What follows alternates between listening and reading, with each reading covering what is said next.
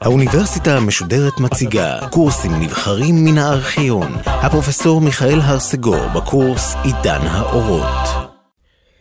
ובכן, אנחנו מגיעים היום לסיום השיחות הללו על המאה ה-18.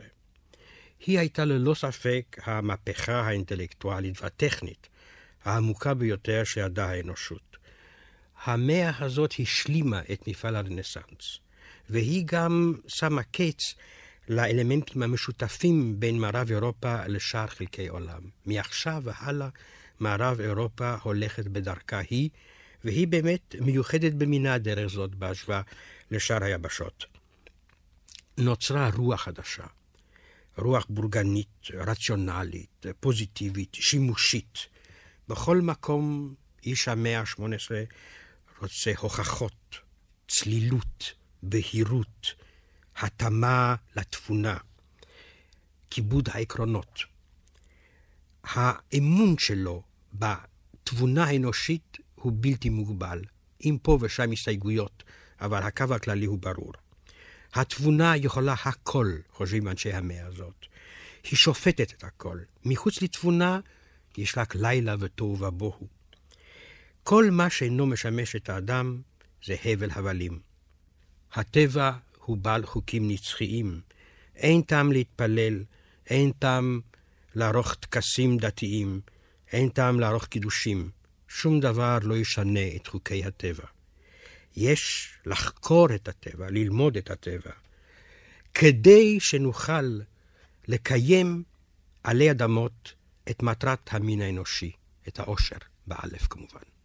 זאת האידיאולוגיה בקווים כלליים של המאה ה-18.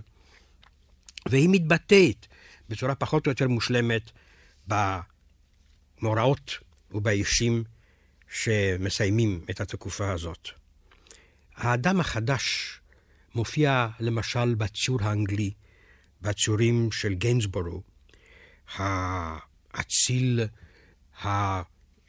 המקיים בית מהודר בכפר, במסגרת רבת ההוד של הפארקים האנגלים, שאינם מסודרים כפי שהפארקים הצרפתים בדרך כלל אה, מופיעים, אלא מין אה, תרבות של הטבע הפראי, שלמעשה הוא לא פראי בכלל.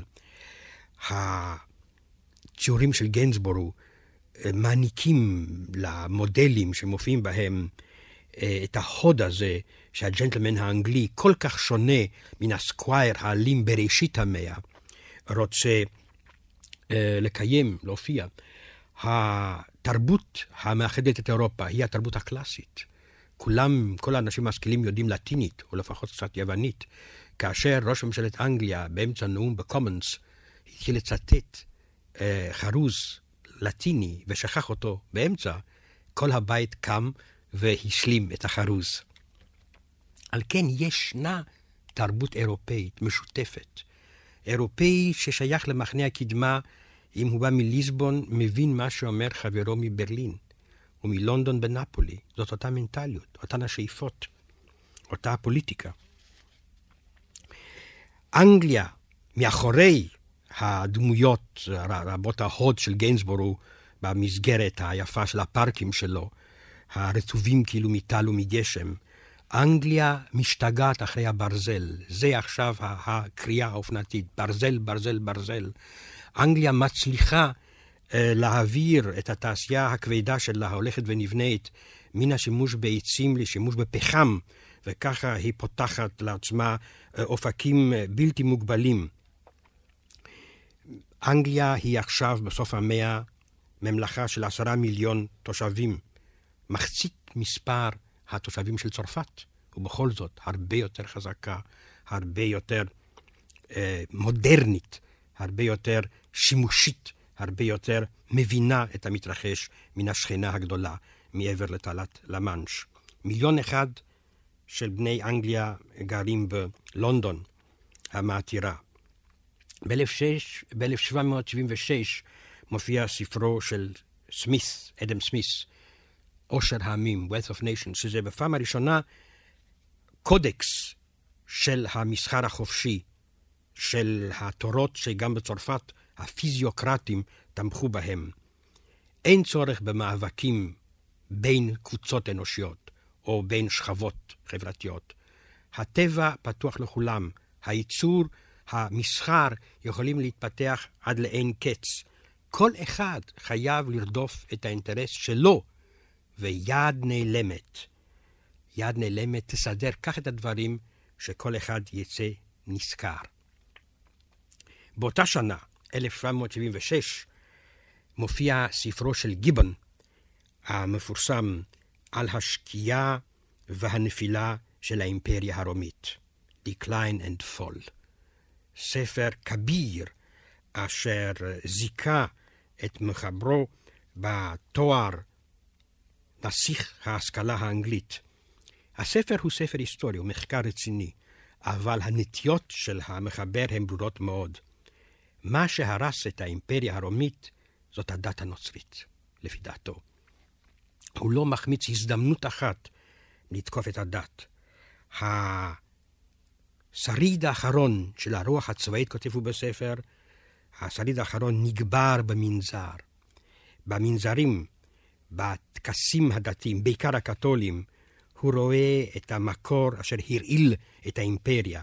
ובאימפריה הרומית, לפני נפילתה, לפני שקיעתה, הוא רואה אישות ממלכתית, רציונלית, טולרנטית, אשר נתנה לכל אחד להאמין במה שהוא רוצה, ואשר לא כפתה שום דת על אף אחד.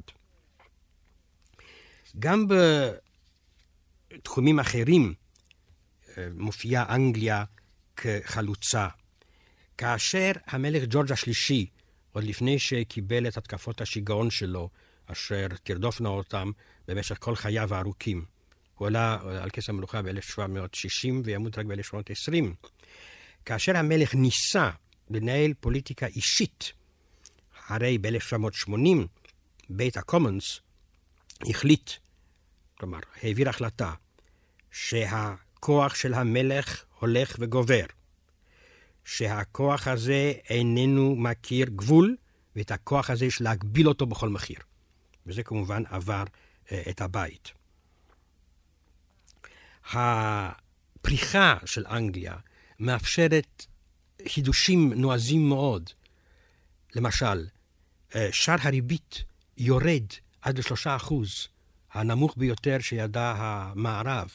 ואם שער ריבית כל כך אה, נמוך, הרי אפשר לקבל בזיל הזול כסף לפיתוח התעשייה והמסחר.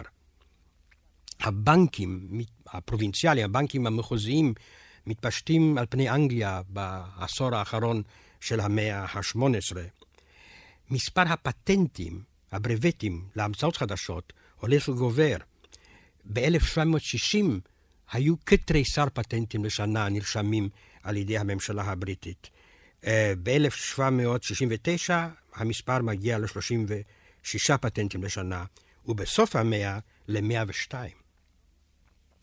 התעשייה האנגלית הופכת, מרחיבה את גבולה ועוברת גם לתחום התעשייה הקלה, לא רק הטקסטיל, אבל תעשיית החרסינה האנגלית הופכת עכשיו אחת הטובות בעולם.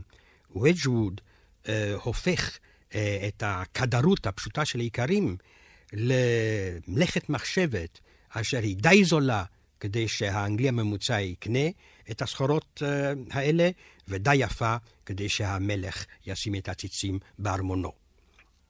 על כן, יש כאן השינוי הזה, המסומל אולי על ידי אה, הדמות המעניינת מאוד של ראש ממשלתה של אנגליה בסוף המאה ה-18, ויליאם פיט, ויליאם פיט השני, הצעיר, אשר אה, התואר השם אה, באמת הולם אותו, מפני שהוא הופך לראש ממשלת אנגליה בגיל 24. הוכחה שהאוליגרכיה האנגלית הייתה כל כך בוטחת בעצמה, בחינוך שהיא נותנת, בקשרי המשפחה שהיא מקיימת, שנתנו לבחור צעיר כזה לנהל את האימפריה הבריטית. נכון, וזה לא uh, נכנס במסגרת הנושא שלנו, אנגליה הפסידה את המושבות האמריקאיות שלה בין 1774 ל-1776. אבל המהפכה האמריקאית השפיעה על אירופה מפני ש... במין אפקט של בומרנג, מפני שלמעשה העקרונות של החוקה האמריקאית, החוקה היחידה שקיימת עדיין היום ומתפקדת בצורה משביעת רצון, אלה הם עקרונות ההשכלה האירופאית. כאשר תומאס ג'פרסון הכניס בתוך הנוסח, נוסח ההצהרה של עצמאות ארה"ב, שהמטרה היא בין השאר The Pursuit of Happiness, הרדיפה אחרי העושר, הרי הוא מבטא בדיוק את תמצית הפילוסופיה של המאה ה-18. צרפת מרגישה יותר ויותר שהיא מאחרת. אפשר להגיד שהמלחמות אשר תפרוצנה אחרי התחלת המהפכה יהיו ניסיונות נואשים לגזול מאנגליה את כתר הקדמה ושל ההגמוניה. וכידוע, הם לא, הצרפתים לא יצליחו. אמנם לואי החמישה עשר המזדקן מנסה ברגע האחרון להנהיג רפורמות, אבל כידוע, משטר רקוב וגרוע המנסה לתקן את עצמו רק מחמיר את מצבו. הוא מנסה לסלק את בתי הדין שהשופטים קנו את משרותיהם בהם, אבל הדבר נעשה בצורה כל כך לא uh, מחושבת, שהציבור, במקום להבין שכאן יש באמת ניסיון מתקדם לסלק uh, מן הבמה אנשים שלמעשה אין להם כל הכשרה מקצועית, אלא הרצון להפיק תועלת מישיבתם על כס השיפוט, הציבור מגנה את המלך. וכאשר המלך ימות מאבעבועות uh, שחורות, דרך אגב, מפני שהוא סירב לקבל זריקה נגד אבעבועות, uh, כאשר הוא ימות, הרי שהיורש שלו, נכדו, לואי השישה עשר, אדם חסר כישרונות לחלוטין, וחסר רצון חזק, וחסר השקפה פוליטית, והוא ישלם ביוקר כידוע בימי המהפכה, אה, הוא מיד, אה, לואי השישה עשר, מיד מחזיר אותם השופטים שהודחו על ידי סבו, ועל ידי זה הוא שם לעל את הניסיון היחידי אולי, הרציני, אה, לחדש את פני הפירמידה המוסדותית הצרפתית. בכלל, בצרפת ישנה הרגשה שהיא לא נבואית, אלא היא מאוד ריאליסטית, שמשהו גדול עומד להתרחש. וולטר כותב, מהפכה עומדת לפרוץ, ואני מצטער שלא אזכה לראות אותה.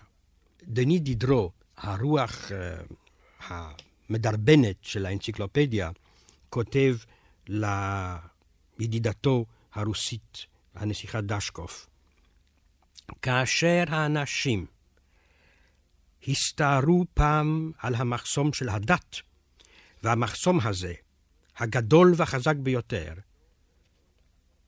לא יכול לעצור אותם, הרי הם יפנו את עיניהם מהוד השמיים אל סמכות המלך מבשר ודם.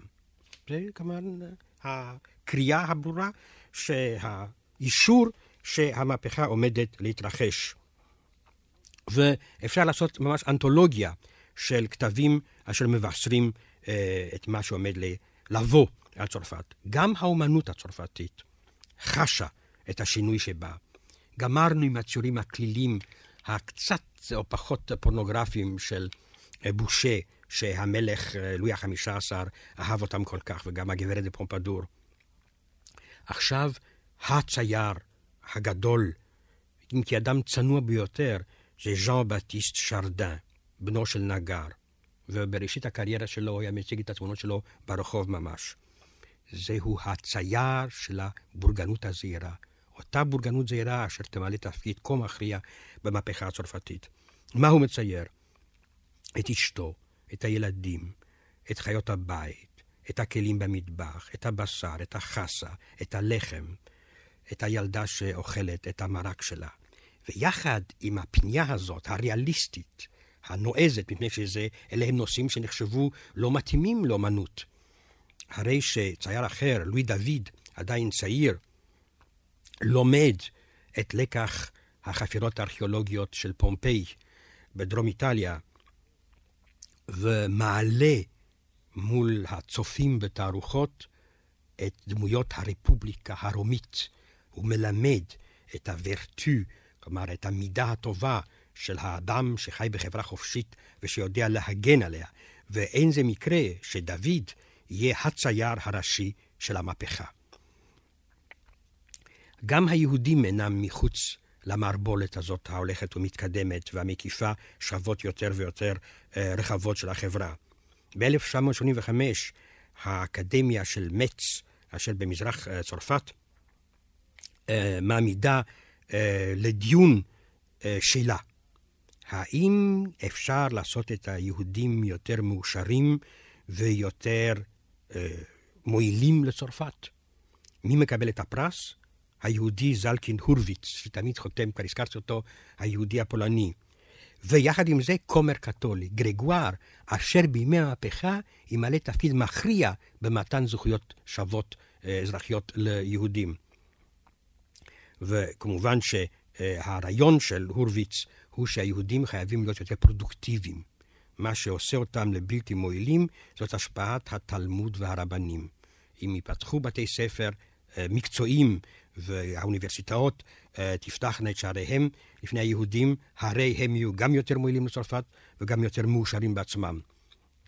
וזה אולי סמלי שבשנה האחרונה לפני המהפכה, ב-1788, מתארגנת בפריס החברה של ילידי הכושים, החברה הדורשת שחרור העבדים בכל המושבות והענקת השוויון גם לשחורי העור. בהשוואה להתקדמות הזאת, אופיינית היא הדריכה במקום של ספרד. למרות הרצון של המלך קרלוס השלישי מבית בורבון לקדם את ספרד כדוגמת אנגליה, או לפחות כדוגמת צרפת או פורטוגל. אבל הדבר לא מתקדם. מפני שהמוסדות הקיימים הם יותר מדי מאובנים, ודת הקהל הנאורה היא יותר מדי מצומצמת. ב-1776, אחד האנשים הנאורים והמתקדמים ביותר של ספרד, פבלו דה אולבידה, אדם עשיר מאוד, בעל אחוזה, אשר רצה לארגן התיישבות מתוכננת של איכרים לפי השיטות החדישות שאנגליה uh, משתמשת בהן, הרי הוא נרדף על ידי האינקוויזיציה, נאסר בסוף המאה ה-18 ונידון אה, לבית סוהר, והוא לא יכול להציל את עצמו רק על ידי הצהרה, שם הוא מגנה את וולטר ואת הקדמה ואת ההשכלה, הוא מבטיח להיות ספרדי קתולי מלוכני טוב. הספרדים הנאורים, האילוסטרדוס, כפי שקוראים להם, הם נשארים קבוצה קטנה ומבודדת. ועוד מעט ייקראו על ידי ההמונים ועל ידי הכנסייה הפרנסדדוס, כלומר המצורפתים, ויראו כמרגלים וכאנשים שלילים ביותר. הגרמנים, גם כן, אחרי מותו של פרידריך הגדול ב-1986, מקבלים את השפעת ההשכלה, אבל בצורה המיוחדת להם. מה שההשכלה מביאה לגרמניה זה קודם כל השנאה לחלוקתה במדינות כל כך קטנות וקטנוניות, אשר הרוח האנושית לא יכולה פשוט לפרוח בהם. והנסיכים הגרמנים מתנהגים בצורה שרק מאשרת את, הידיעה, את הדעה הזאת. למשל, ניקח את הלנגרב, את הרוזן פרידריך מהסק קסטל, אשר פשוט הרוויח כסף על ידי מכירת נתיניו לאנגליה. לשם שימושם או הפעלתם במלחמה נגד האמריקאים המתמרדים. כמעט עשרים אלף בחורים מנסיכותו נשלחו למות בשדות אמריקה, מבלי לדעת בכלל למען מה ומהי המטרה ומהם. היעדים שלמענם לוחמים גם האנגלים וגם הצרפתים, שהיו בעלי בריתם של האמריקאים. הדמות הספרותית, שהיא ללא ספק סמלית למען הקדמה, ההשכלה הגרמנית, היא דמותו של לסינג, אשר כותב uh, גוטהולד אפרים לסינג, אפרים אבל הוא לא יהודי, אשר כותב ב-1779 נתן החכם. נתן החכם שזהו מחזה על יהודי בימי הצלבנים בארץ ישראל. ושם ה... במרכז העלילה uh, עומדת ההשוואה של הדתות עם שלוש טבעות. אלוהים עשה שלוש טבעות.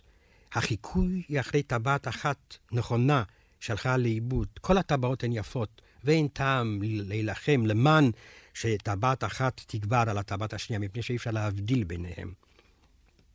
ב-1980 אה, גם הוא בבעיה יהודית בחיבור שלו, שנקרא חינוך המין האנושי, Erziehung des Menschengeschlechtes. שזה מין אני מאמין של התקווה, הוא מעלה אה, לרמה גבוהה מאוד את היהדות, אשר אה, החזיקה את האנשים תחת עולה אה, בתוך אה, הציות לחוקיה, לחוקים, כדי שהם יהיו מאושרים על יד אמות. הנצרות, אומר לסינג, אה, העביר את העושר בעולם הבא. מה שיש לעשות היום זה ליצור מוסר כזה, שהאדם יעשה את הטוב כי הוא הטוב, ולא יעשה את הרע כי הוא הרע, בלי לחכות, בלי להמתין לעונש מגבוה וגם לא לגמול. באווירה הזאת אה, פועל משה מנדלסון, היהודי הראשון ששייך באמת לעולם ההשכלה. הוא פועל למען האמנציפציה של היהודים, והקדחת האינטלקטואלית הזאת, התסיסה האינטלקטואלית הזאת בברלין, משפיעה גם על צרפת. אחד ממחוללי המהפכה הצרפתית מרבו נמצא אז בברלין, וכשיחזור לצרפת הוא יתחיל להילחם למען האמנציפציה של היהודים. הגרמנים, מסיבה זאת או אחרת, אינם לגמרי שלמים עם הגל החדש של ההשכלה. אה, כמו שראינו בספרד, ישנם קולות הטוענים שההשכלה היא למעשה המצאה צרפתית או אנגלית. היא לא מתאימה לגרמנים. מתחילה נטייה אל הכוחות האפלים של האדם, אל האלימות, את השטורם ונדרנג, את הלחץ ואת הפרץ, אשר יתפתחו במשך המאה הבאה בתרבות הגרמנית וייתנו בצורה מסוימת זרם צדדי ייתן את הפירות שאנחנו מכירים אותם. מעניין שדווקא במאה ה-18 מתחילה התפתחות אשר תביא לאותה לאומנות מיסטית אה, גרמנית, אשר בשלב האחרון שלה תלבש את הצורה של הנאציזם. אפילו מדינות אה, מפגרות, כמו האימפריה האוסטרית אה, של מריה תרזה ושל בנה יוסף השני, אה, מבינות שהן אינן יכולות להישאר מחוץ לזרם הגדול. ב-1773 מריה תרזה מגרשת את הישועים, וזה קשה לתאר איזה רושם זה עשה בווינה הקתולית.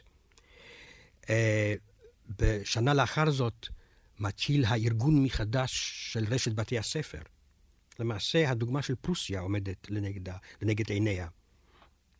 מעניין שהאיש המארגן והעוזר אה, להביא לפיתוחה של ההשכלה האוסטרית הוא יוזף פון זוננפלדס, משפטן, רקטור האוניברסיטה של, ויני, של וינה, הנכד של הרב מיכאל חסיד מברלין. והוא לקח חלק אה, מכריע בהכנת האדיקט של סובלנות, צו הסובלנות של הקיסר יוסף השני ב-1781, אשר בפעם הראשונה באוסטריה נותנת ליהודים מה שאפשר פחות או יותר לקרוא אה, שוויון אזרחי. אבל אולי, ובזה אני רוצה לסיים, האדם אשר מסמל את ההתלהבות ואת השמחה של ההשכלה, בצורה הנהדרת והנשגבת ביותר, הוא וולפגנג עמדאוס מוצרט. ב-1786 הוא מציג את האופרה שלו, נישואי פיגארו, הבנוי על המחזה המהפכני של הצרפתי בומרשה, שם מעלים את איש העם, הספר, פיגארו, מעל לרוזן אלמביבה, נציג האריסטוקרטיה. וההתלהבות אה, בה מקבלים את נישואי פיגארו איננה נובעת רק מן המוזיקה הנהדרת ומן התמליל המדרבן והמתסיס. ב-1787, דון ג'ובאני של מוצרט, גם כן הגרסה המוזיקלית של מחזה מאוד מאוד חריף ומתקדם של מולייר, אה, מעלה בצורה שהווינאים והפראגאים, כי זה עכשיו זה בפראג, יכולים לקבל אותה, רעיונות אה, שאילו היו מופיעים בספר, הצנזורה לא הייתה נותנת לספר להופיע. דון ג'ובאני הוא אמנם אדם מופקר, אבל הוא גם אדם שאוהב את החירות, אוהב את החיים, וסופו, שקיעתו בתוך להבת הגיהינום, אה, סופו איננו משכנע. בקוזי פנטוטה, כך עושות כולן, מביא מוצרט, התמים כאילו, אה, גודש של ציניות ושל אירוטיזם, שהיה אולי קצת יותר מדי בשביל הציבור הווינאי, אבל אשר היה לחלוטין ברוח ההשכלה האירופאית. וב-1791, כאשר המהפכה הצרפתית כבר מתחוללת, אבל עדיין לא הגיעה לגילויים האכזרים רבויי, אה, הדם שלה, מציג מוצרט את חליל הקסם, טיצאו בפלוטה. שזה למעשה לא סיפור תמים וילדותי, כפי שחושבים, אלא זאת אלגוריה של ההשכלה. תמינו, הצעיר, הנסיך, אשר רוצה לשאת את פמינה היפה, לוחם ומנצח את מלכת הלילה, שהיא סמל הרשע והחשיכה, וזה לא במקרה שהוא בחר בסמל הלילה, בתקופה שנקראת תקופת האורות.